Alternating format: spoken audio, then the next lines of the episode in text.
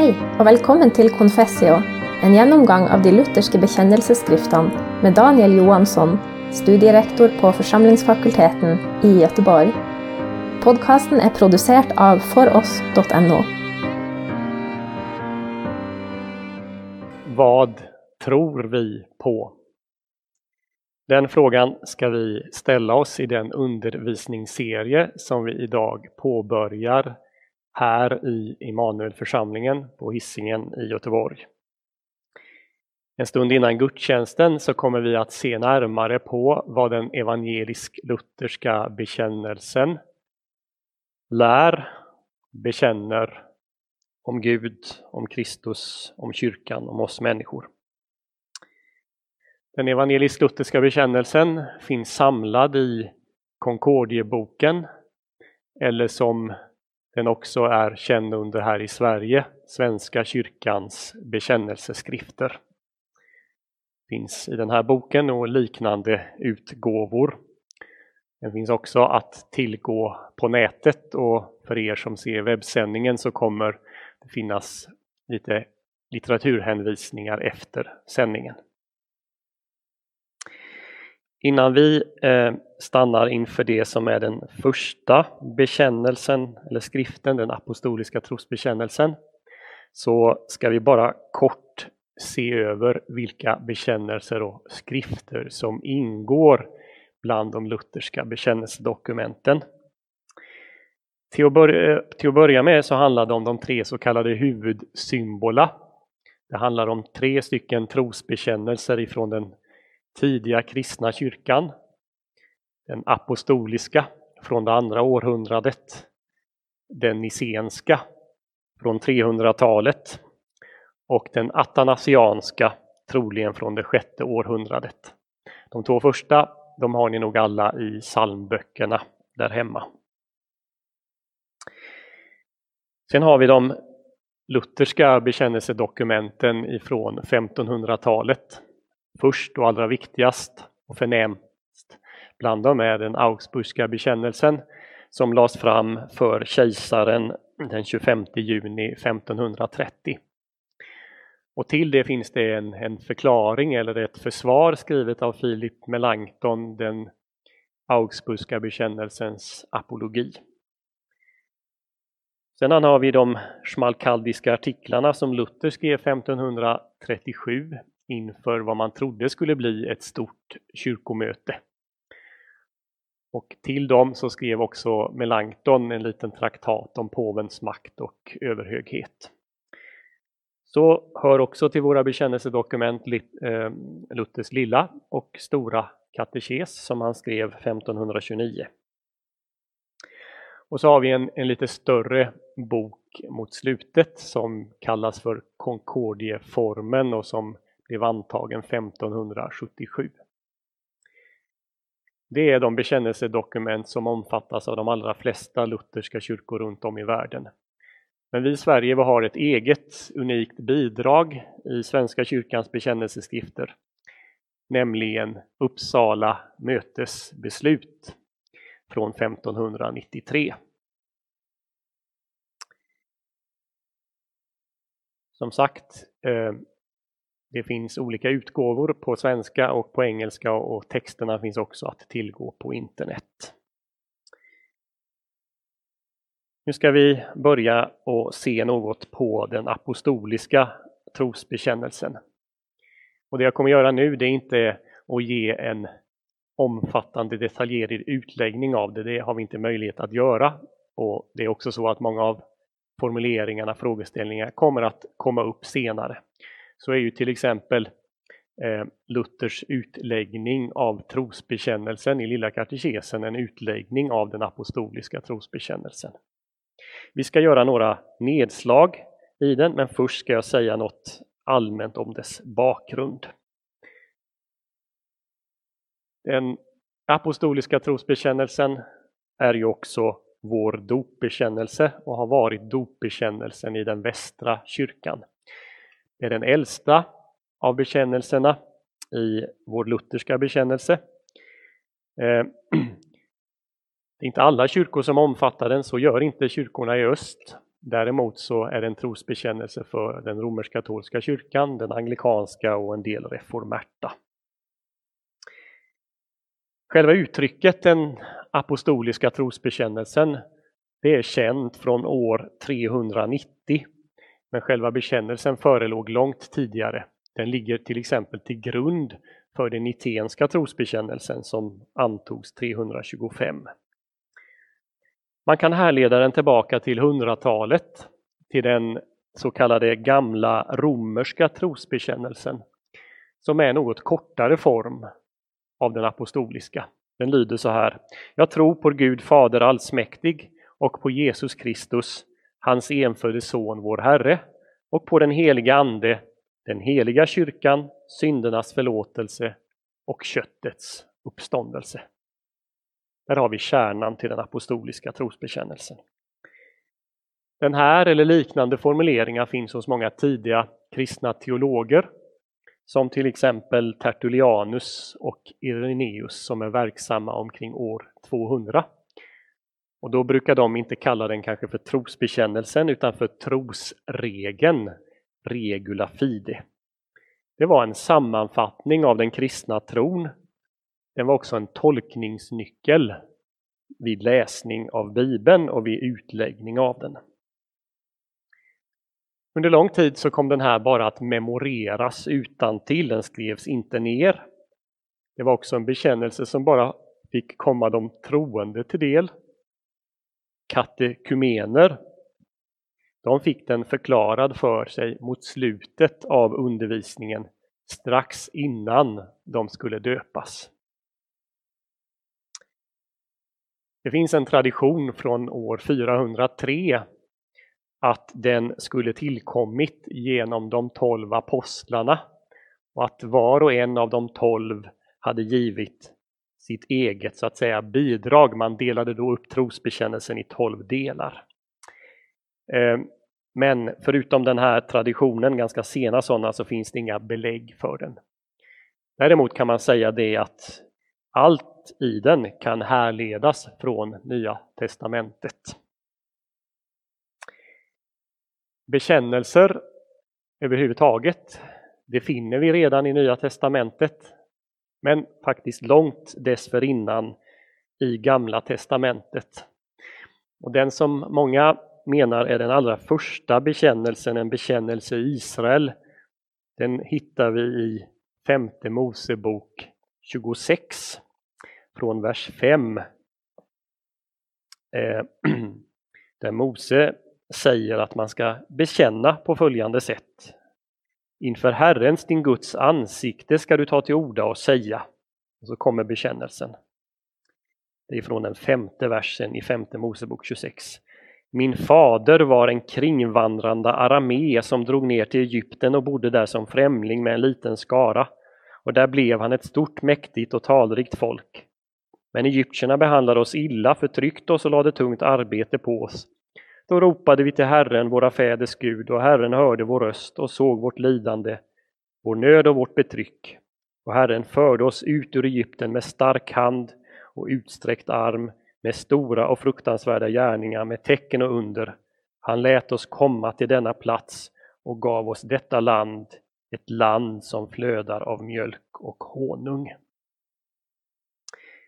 Vi finner många andra kortare bekännelseuttryck också i Gamla Testamentet. Vi kan bara tänka på femte Mosebok kapitel 6, vers 4. Hör Israel, Herren vår Gud, Herren är en. Och när vi kommer till Nya Testamentet så stöter vi också på korta bekännelser som till exempel Petrus i Apostlagärningarna 3 där han säger att Gud har uppväckt Jesus från de döda. Det är en sån här kort kärnfull bekännelse som återkommer många gånger i Nya Testamentet. Eller den som vi kanske är mer bekanta med, Jesus är Herren i till exempel Romarbrevet 10.9. Det vi kan säga om den apostoliska det är att den har inte tillkommit vid något kyrkomöte. Utan den har liksom mer organiskt växt fram naturligt ur de korta bekännelser som redan föreligger i Nya testamentet. Och den har sannolikt gjort det i samband med dopundervisningen. Här finns liksom kärnan till det du ska bekänna när du blir en kristen, när du tar emot dopet. Det är det du säger ja till. Den är som sagt en sammanfattning om det viktigaste i Bibelns lära. Men liksom de flesta bekännelser så har den också en udd riktat mot något. Och i det här fallet så är det nog först och främst gnosticismen. Eh, den tankeriktning och religionsriktning som var en, ska vi säga, en utmaning för den kristna kyrkan under de första århundradena. Gnosticismen var en synkretistisk företeelse som eh, tog lite uppfattningar och föreställningar och blandade ihop från olika håll. Man betonade det andliga i tillvaron, man föraktade det materiella. Så menade man till exempel att skapelsen är ond och att Gamla testamentets Gud som skapat världen i själva verket är en ond Gud, en maktlös Gud. Man kallade honom för Demiurgen. Och själva skapelsen menade man var ett uttryck för ett fall i den andliga världen. Frälsning, det får man genom att bli befriad ifrån materien och genom att vinna kunskap, eller kanske i den motsatta ordning. Man vinner kunskap, befrias från materiet. Det här innebär och får konsekvenser för den kristna tron att man förnekar till exempel kroppens uppståndelse. Eh, man eh, framställer ofta Jesus som en andlig person, inte som en verklig människa med materiell kropp. Många gånger så förnekar man att han har lidit och dött. I en uppriktning så menade man att Simon från Kyrene blev korsfäst i Jesu ställe. Och eh, mot den bakgrunden då kan man förstå att det finns en udd här och var i bekännelsen. Till exempel i dess inledning som tar oss tillbaka till Bibelns början. Vi tror på Gud Fader allsmäktig, himmelens och jordens skapare. Här görs klart att den som skapat världen i Gamla testamentet också är Jesu Kristi Gud och Fader. Skapelsen har varit god från början. Av det här förstår vi att frågan om skapelsen, det är, det är ingen ny kontroversfråga, det är en kontroversfråga i vår tid när man menar att världen och universum tillkommit genom en utvecklingsprocess. Men det var också en kontroversfråga i urkyrkan Kyrkan lärde en god skapelse, många andra runt omkring menade att den var ond. På samma sätt så fanns det många som ifrågasatte att skaparguden kunde vara allsmäktig. Man tänkte sig i vissa riktningar att det fanns två urkrafter som kämpade om makten. Det är också en, en eh, uppfattning som ifrågasätts starkt också inom kyrkliga sammanhang idag att Gud verkligen är allsmäktig. Eh, den det eh, är en sak man ofta har, har gett upp. Men i den tidiga kyrkan så hävdade man med all kraft att Gud har all makt trots det onda i tillvaron. Vi kan notera att det står ingenting om Jesu undervisning, vilket också kan vara en udd riktad mot gnosticismen som bara betonar undervisningen. Utan istället så, så tas det essentiella, essentiella fram, hans övernaturliga födelse av den heliga Ande och genom en jungfru. Hans död och uppståndelse. Jungfrufödelsen betonades mot sådana som menade att han bara var en vanlig människa. Det är alltså ingen ny uppfattning idag att Jesus bara var en vanlig vishetslärare döden och uppståndelsen betonat mot de gnostiska riktningarna som förnekade det ena eller det andra, att han inte dött. Formuleringen nedstigen till dödsriket, den har varit föremål för ganska många olika tolkningar. Vad innebär det där egentligen? Vad vill man säga med det? Det finns åtminstone sex stycken olika tolkningar av den. Clemens av Alexandria som verkade just i Alexandria omkring år 200. Han eh, tolkar det här med hänvisning till första Petrusbrevet 3, 18-19.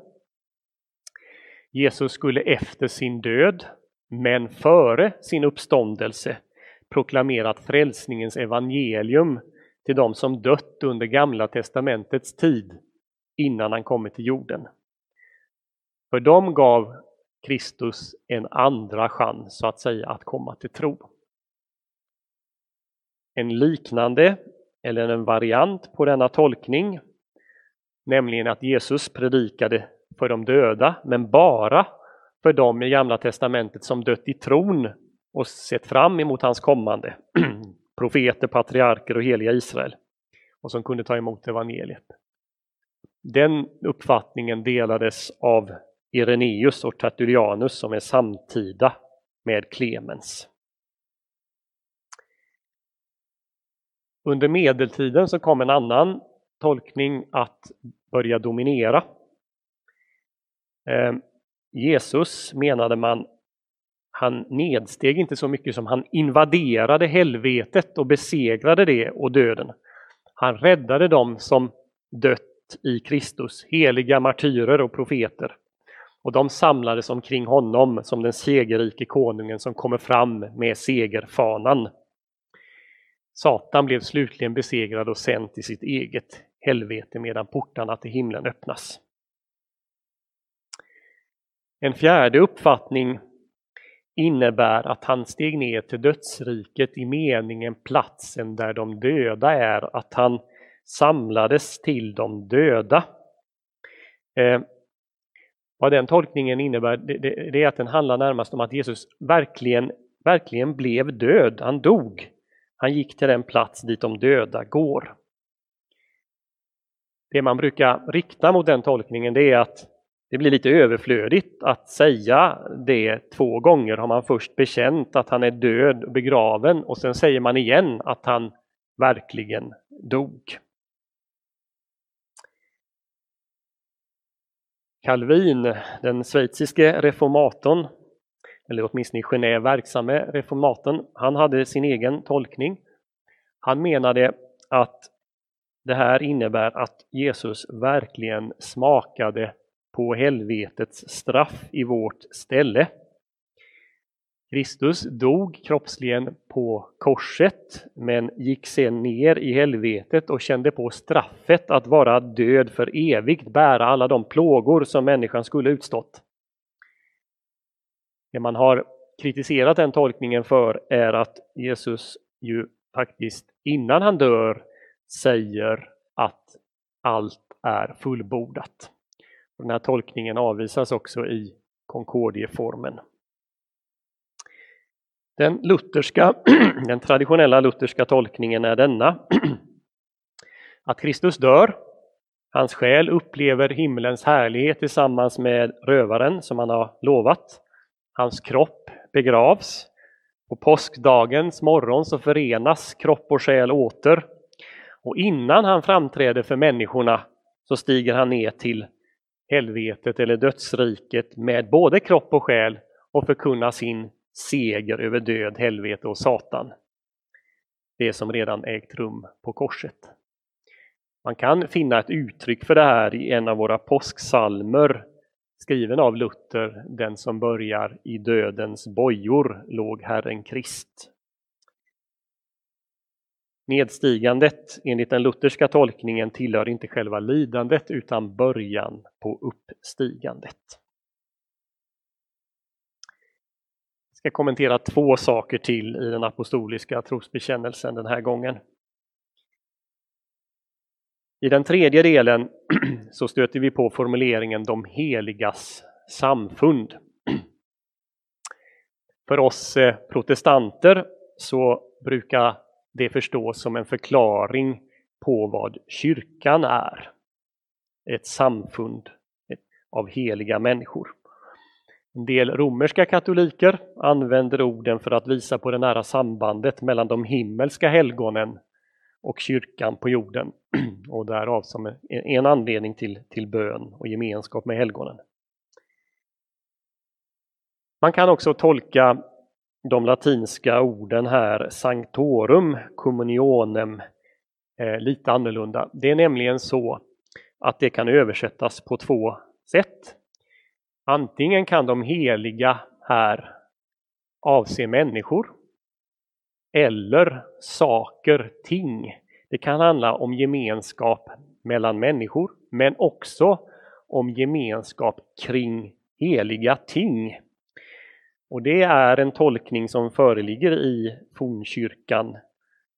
Nämligen att man tänker att det kan handla om gemenskapen kring dopet och nattvarden eller kanske framförallt gemenskapen kring nattvarden.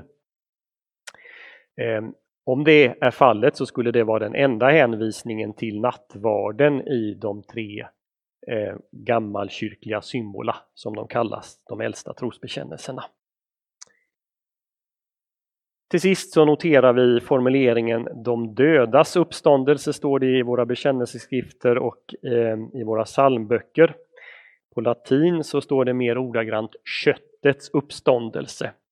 Trosbekännelsen betonar starkt att det är inte bara så att själen ska leva vidare, utan framförallt så handlar det om att kroppen ska uppstå.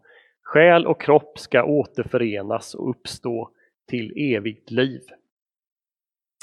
Eh, det menade inte gnostikerna och det finns många i vår tid som tänker så att eh, själen kommer visserligen leva vidare men någon, att kroppen ska uppstå igen det, det tvivlar man på. Men liksom man i fornkyrkan hade det här och höll det högt som en viktig bekännelse, ja till och med en bekännelse man var beredd att dö för, så är det även idag viktigt att högt hålla denna fana, tron på att kroppen en dag ska uppstå på nytt. Ska vi sammanfatta bara helt kort här innan vi slutar så kan vi konstatera att i den apostoliska trosbekännelsen så finns det några punkter som säkert är mindre kontroversiella, nämligen att Jesus eh, blev pinad under Pontius Pilatus, korsfäst och död och begraven. Men det finns en lång rad punkter som är kontroversiella i vår tid.